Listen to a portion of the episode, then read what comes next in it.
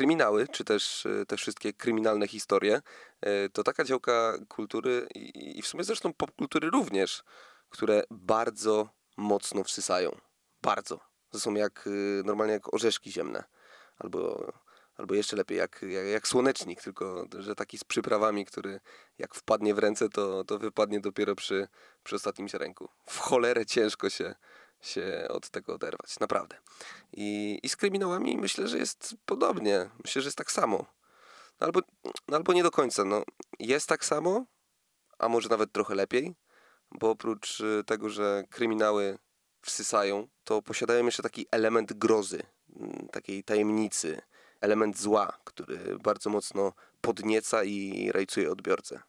No a słonecznik tego nie ma. No, nawet jakby byśmy chcieli, a właściwie producenci tego słonecznika by chcieli, no to dupa. No i celowo mówię mm, odbiorcę, bo nie chodzi mi wcale tylko o kryminały kinowe czy, czy te telewizyjne, czyli seriale. Ta zasada dotyczy właściwie wszystkich produkcji, tworów i, i dzieł, jakkolwiek je nazwiemy, gdzie, gdzie takie historie z dreszczykiem spacerującym po kręgosłupie się pojawiają. Absolutną klasyką i, i takim przykładem, który w sumie pierwszy wpada do głowy, są przecież skandynawskie kryminały, nie? Te, które od lat robią furorę na, na całym świecie. Sam mam kilka takich kryminałów na, na, na swojej półce, wy zresztą też, więc, więc doskonale wiecie, o co mi teraz chodzi. Są oczywiście kryminały lepsze, są te gorsze, ale są też takie, które normalnie kurwa urywają dupę i, i w sumie mógłbym teraz wstać do drugiego pokoju i sprawdzić, e, które kryminały leżą na mojej półce, ale w sumie zanim się wygramulę z tej szafy z całym tym grajdołkiem, to, to trochę to może, może potrwać. O, ale pamiętam, pamiętam jedną książkę, która, która na pewno tam jest, albo, albo która na pewno tam była kiedyś w przeszłości, bo, bo coś mi świta, że, że, że komuś ją mogłem pożyczyć, także jeżeli jesteś tym kimś, to oddaj książkę. A ta książka to Pływak Joachima Zandera. Pływak. Bardzo szybka i, i dynamicznie poprowadzona historia ze, ze szpiegami i takim międzynarodowym spiskiem w tle. Pamiętam, że rewelacyjną robotę w tej książce robiła taka wielotorowa narracja. No po prostu cudeńko, uwierzcie mi, cudeńko. No ale oprócz y, książek są właśnie jeszcze filmy, seriale i te fabularne i te true crime. No i są na przykład podcasty. I jeden z najlepszych o takiej tematyce, czyli mówiący o zbrodniach, morderstwach i takich niewyjaśnionych sprawach, tworzy czy też nagrywa, jak tam, jak tam wolicie, Justyna Mazur. To jest taka dziążka z Zabrza, która pitła jakiś czas temu e, do stolicy. I, jej podcast nazywa się Piąte Nie Zabijaj i jest taką kryminalną perełką ubraną tylko, tylko no a właściwie aż w dźwięk. Link do Justyny znajdziecie w opisie tego podcastu na YouTubie, bo na Spotify się nie da dodawać e, linków w opisie, tak mi się wydaje, albo, albo jestem idiotą ze Spotify. No ale wystarczy, że sobie tam wpiszecie piąte nie zabijaj e, w Google'ach czy, czy na fejsie i, i na pewno do Justyny traficie. Sami widzicie, że, że tych kryminalnych opowieści w różnych formach i, i formatach jest bardzo, bardzo dużo.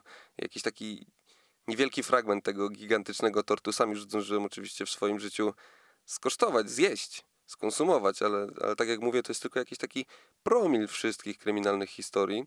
Także jeśli macie coś, co w ostatnim czasie zwaliło was z nóg albo, albo od czego nie mogliście się oderwać, to, to proszę was, możecie bez wahania pisać. Możecie pisać na fejsie, możecie pisać na, na Instagramie, na Insta Stories, no ale chyba przede wszystkim na, na naszej grupie Pogadajmy o serialach. Tam, tam pewnie nie tylko ja będę zainteresowany e, polecajkami kryminalnymi, bo, bo takich freaków, którzy uwielbiają oglądać tego typu produkcje, e, jest z pewnością więcej. No ale dobra, koniec tego yy, bablania. Koniec?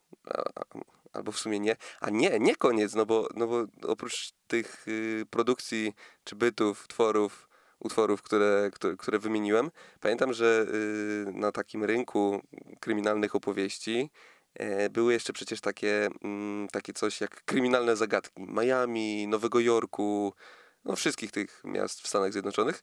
No a na naszym rynku oczywiście niezawodni kryminalni z komisarzem Zawadą, kryminalni przez duże K, no i e, W11. W11. No to może nie była produkcja najwyższych lotów, ale, ale jednak musiało się to oglądać, nie? Skoro, skoro wszyscy do dzisiaj kojarzą takiego pana policjanta, właściwie pana władzę, który nazywa się Sebastian Wątroba. No muszę w ogóle sprawdzić, czy on jeszcze, jeszcze coś tam działa. No ale wystarczy już tych wątków pobocznych. Przejdźmy wreszcie do tematu numer uno dzisiejszego odcinka Mindhunter. Kilka dni temu skończyłem oglądać e, drugi sezon tego Netflixowego serialu i powiem wam, że, że jestem kupiony. Mają mnie i, i w sumie mogą ze mną zrobić co chcą. Naprawdę. Pierwszy sezon był, był dobry. Niektórzy mówili nawet, że, że jest bardzo dobry. Drugi sezon, moim zdaniem, to czysta przyjemność oglądania. Czysta. Zabrzmiało to trochę jak taka recenzja z filmu webu. No I w sumie to jest głupie, że to powiedziałem, no ale no już powiedziałem. No i wyobraźcie sobie, że, że, że siedzicie sobie na takiej swojej ulubionej kanapie i, i się rozpływacie, bo ten serial jest tak fantastyczny i jest tak, tak miło, tak, tak, tak ciepło jest. No i w sumie ten serial jest jak taka ciepła kąpiel przy, przy kurwa minus 30 stopniach za, za oknem i po prostu bosko. Co w sumie teraz tak sobie e, uświadamiam, jest trochę dziwnym uczuciem, bo skoro serial opowiada o seryjnych mordercach i gwałcicielach i ogólnie tych wszystkich źródkach, którzy, którzy w piekle Dantego zbiliby pewnie piątkę z Judaszem i Brutusem, to, to no, może brzmieć to trochę dziwnie. No, no nie wiem, nie wiem, może to już jakieś skrzywienie, o którym lepiej głośno nie mówić, a, a może już takie przyzwyczajenie oka i, i mózgu do tych wszystkich obrazów, na których ludzie wyrządzają sobie krzywdę. No nie wiem, trudno stwierdzić. Wiem natomiast y, jedno, że było to naprawdę bardzo przyjemne uczucie, nawet jeśli chore. A wizja tego, że, że może ono trwać przez, przez kolejne trzy sezony, napawa mnie dziką radością, naprawdę dziką radością. Niemal tak wielką, jak, jak to, że wczoraj y, udało mi się przebiec, uwaga, 3,8 kilometra w katowickim biznesranie. I tutaj takie wirtualne oklaski od mojej mamy przede wszystkim. I to wszystko udało się mi, kolesiowi z szafy, który, który palił jeszcze nie tak dawno papierochy. Dalej pije alkohol, bo w sumie jak tu nie pić w tym kraju, dobrze o tym wiecie. No i tam wsuwam burgera za burgerem i tam w ogóle taka niezdrowa dieta, także no, da się, da się. No, co, co ciekawe, to powiem wam nawet, że, że, że na trasie wyprzedzałem innych biegaczy, co, co w ogóle mnie totalnie zdziwiło. No i, i, ani, razu, ani razu się nie zatrzymałem, żeby tam trochę pospacerować, a to był taki, taki plan minimum. No i w, sumie go wykonałem i jestem z siebie trochę nawet zadowolony. A, i zdradzę wam jeszcze taką, taką jedną historię z tego biegu, że to jest taka trochę historia zakulisowa, trochę taka historia mojej chorej głowy. No i było to tak, biegnę sobie, biegnę i, i tak przebiegłem już chyba połowę dystansu i, i, myślę, kurczę, trochę, trochę długo. Tak biegnę i w sumie już tam kilku wyprzedziłem, kilku wyprzedziło mnie. No i, i trochę się dziwię, że, że, że, jeszcze tam nie widzę żadnych oznaczeń, że na przykład zostało tam ostatnie 500 metrów czy 600 metrów i nagle widzę na ulicy taki normalnie, normalnie tak na asfalcie, taki wielki napis 10 kilometrów i, i pomyślałem, kurwa, ale odjebałem. Normalnie bieg na 3,8, a ja już kurwa zrobiłem dychę. No a to, że mety dalej nie widać i nie widać, no to, to już inna historia, ale no, wiecie, wiecie to, to, to uczucie, czy właściwie ta myśl, która, która nie trwała naprawdę długo, bo, bo, zorientowałem się, że coś tu, coś tu kurwa musi śmierdzieć, bo, bo przecież ja bym nigdy nie dał rady przebyć 10 kilometrów. No ale to, to była fantastyczna ta myśl. Przez chwilę czułem się jak taki, taki rasowy biegacz z krwi i kości.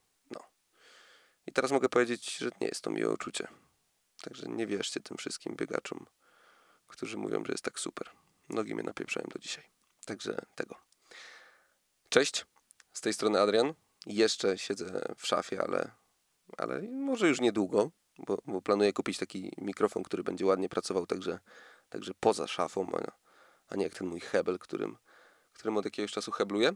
Także ja jestem Adrian, a to jest już dziesiąty odcinek serialowego podcastu Nie do powiedzenia.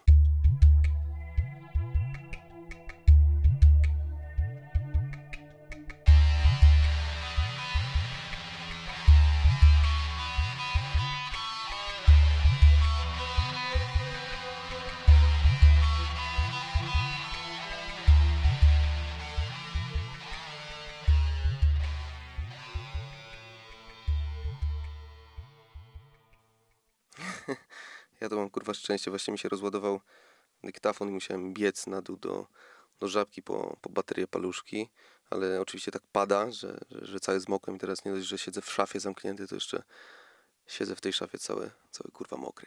No ale dobra, yy, mamy baterię, dyktafon działa, wszystko tu chyba hula, także możemy wrócić do naszego serialu. Yy, Mindhunter. Yy, Mindhunter, czyli historia dwóch agentów FBI, którzy jeżdżą od więzienia do więzienia, rozmawiają z seryjnymi mordercami, którzy, którzy wcale w sumie nie byli tak jeszcze określani w tamtych czasach i starają się stworzyć profile przestępców, właśnie tych seryjnych, czy też wielokrotnych, bo, bo taka nazwa też właściwie funkcjonowała, czy, czy dopiero miała funkcjonować, które pomogą rozwiązać e, te nierozwiązane do tej pory sprawy.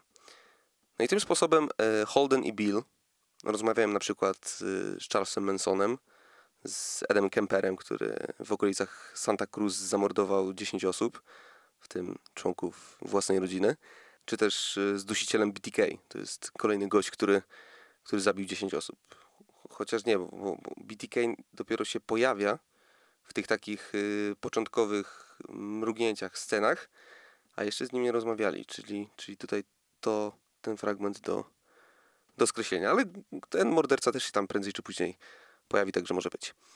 No i jak sami widzicie, tych morderców jest, jest naprawdę wielu, w całym kraju. A jednostka, która bierze się za tak naprawdę niezbadaną jeszcze do tej pory dziedzinę i ma stworzyć profile, które w przyszłości mogą okazać się kluczowe dla, dla pracy policji i dla pracy FBI, składa się początkowo z trzech, słownie z trzech, a później z czterech osób.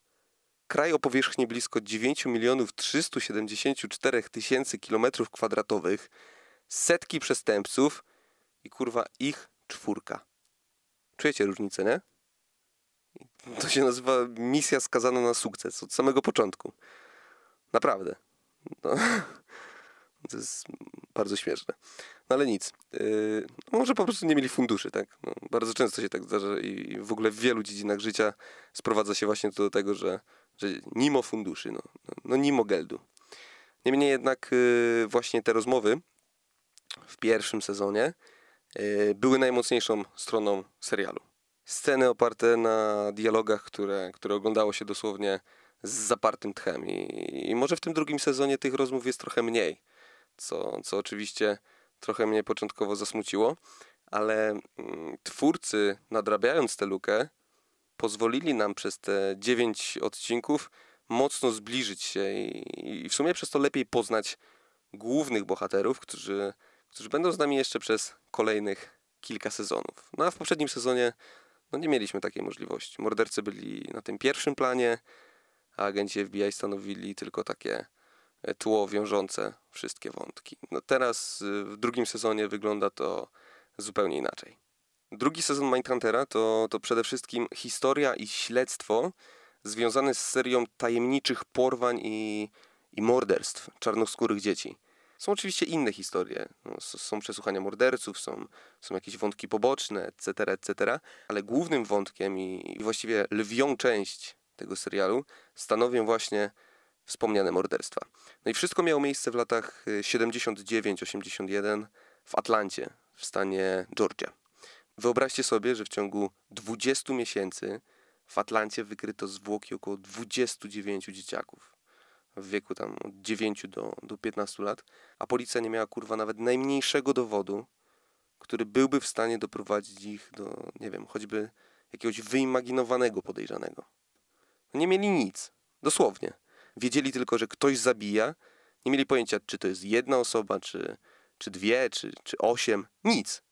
Zero. Zupełnie. Jedyną teorią, która mogła mieć wówczas jakikolwiek sens, było to, że morderstwa są dokonywane na tle rasowym, a stoi za nimi, no, no wiadomo kto, kto mógł wówczas za nimi stać.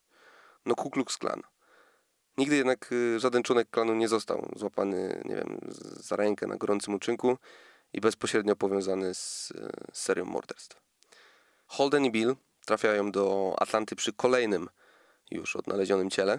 Trochę w sumie przez przypadek, a trochę ze względu na politykę, bo, bo tak naprawdę jeżeli uda im się rozwiązać tę sprawę w miarę szybko, to ich nowy szef będzie mógł się ogrzać w blasku chwały, a to z kolei może przynieść e, profity, jakieś kolejne dodatkowe fundusze dla, dla jednostki, dla rozwoju całej jednostki.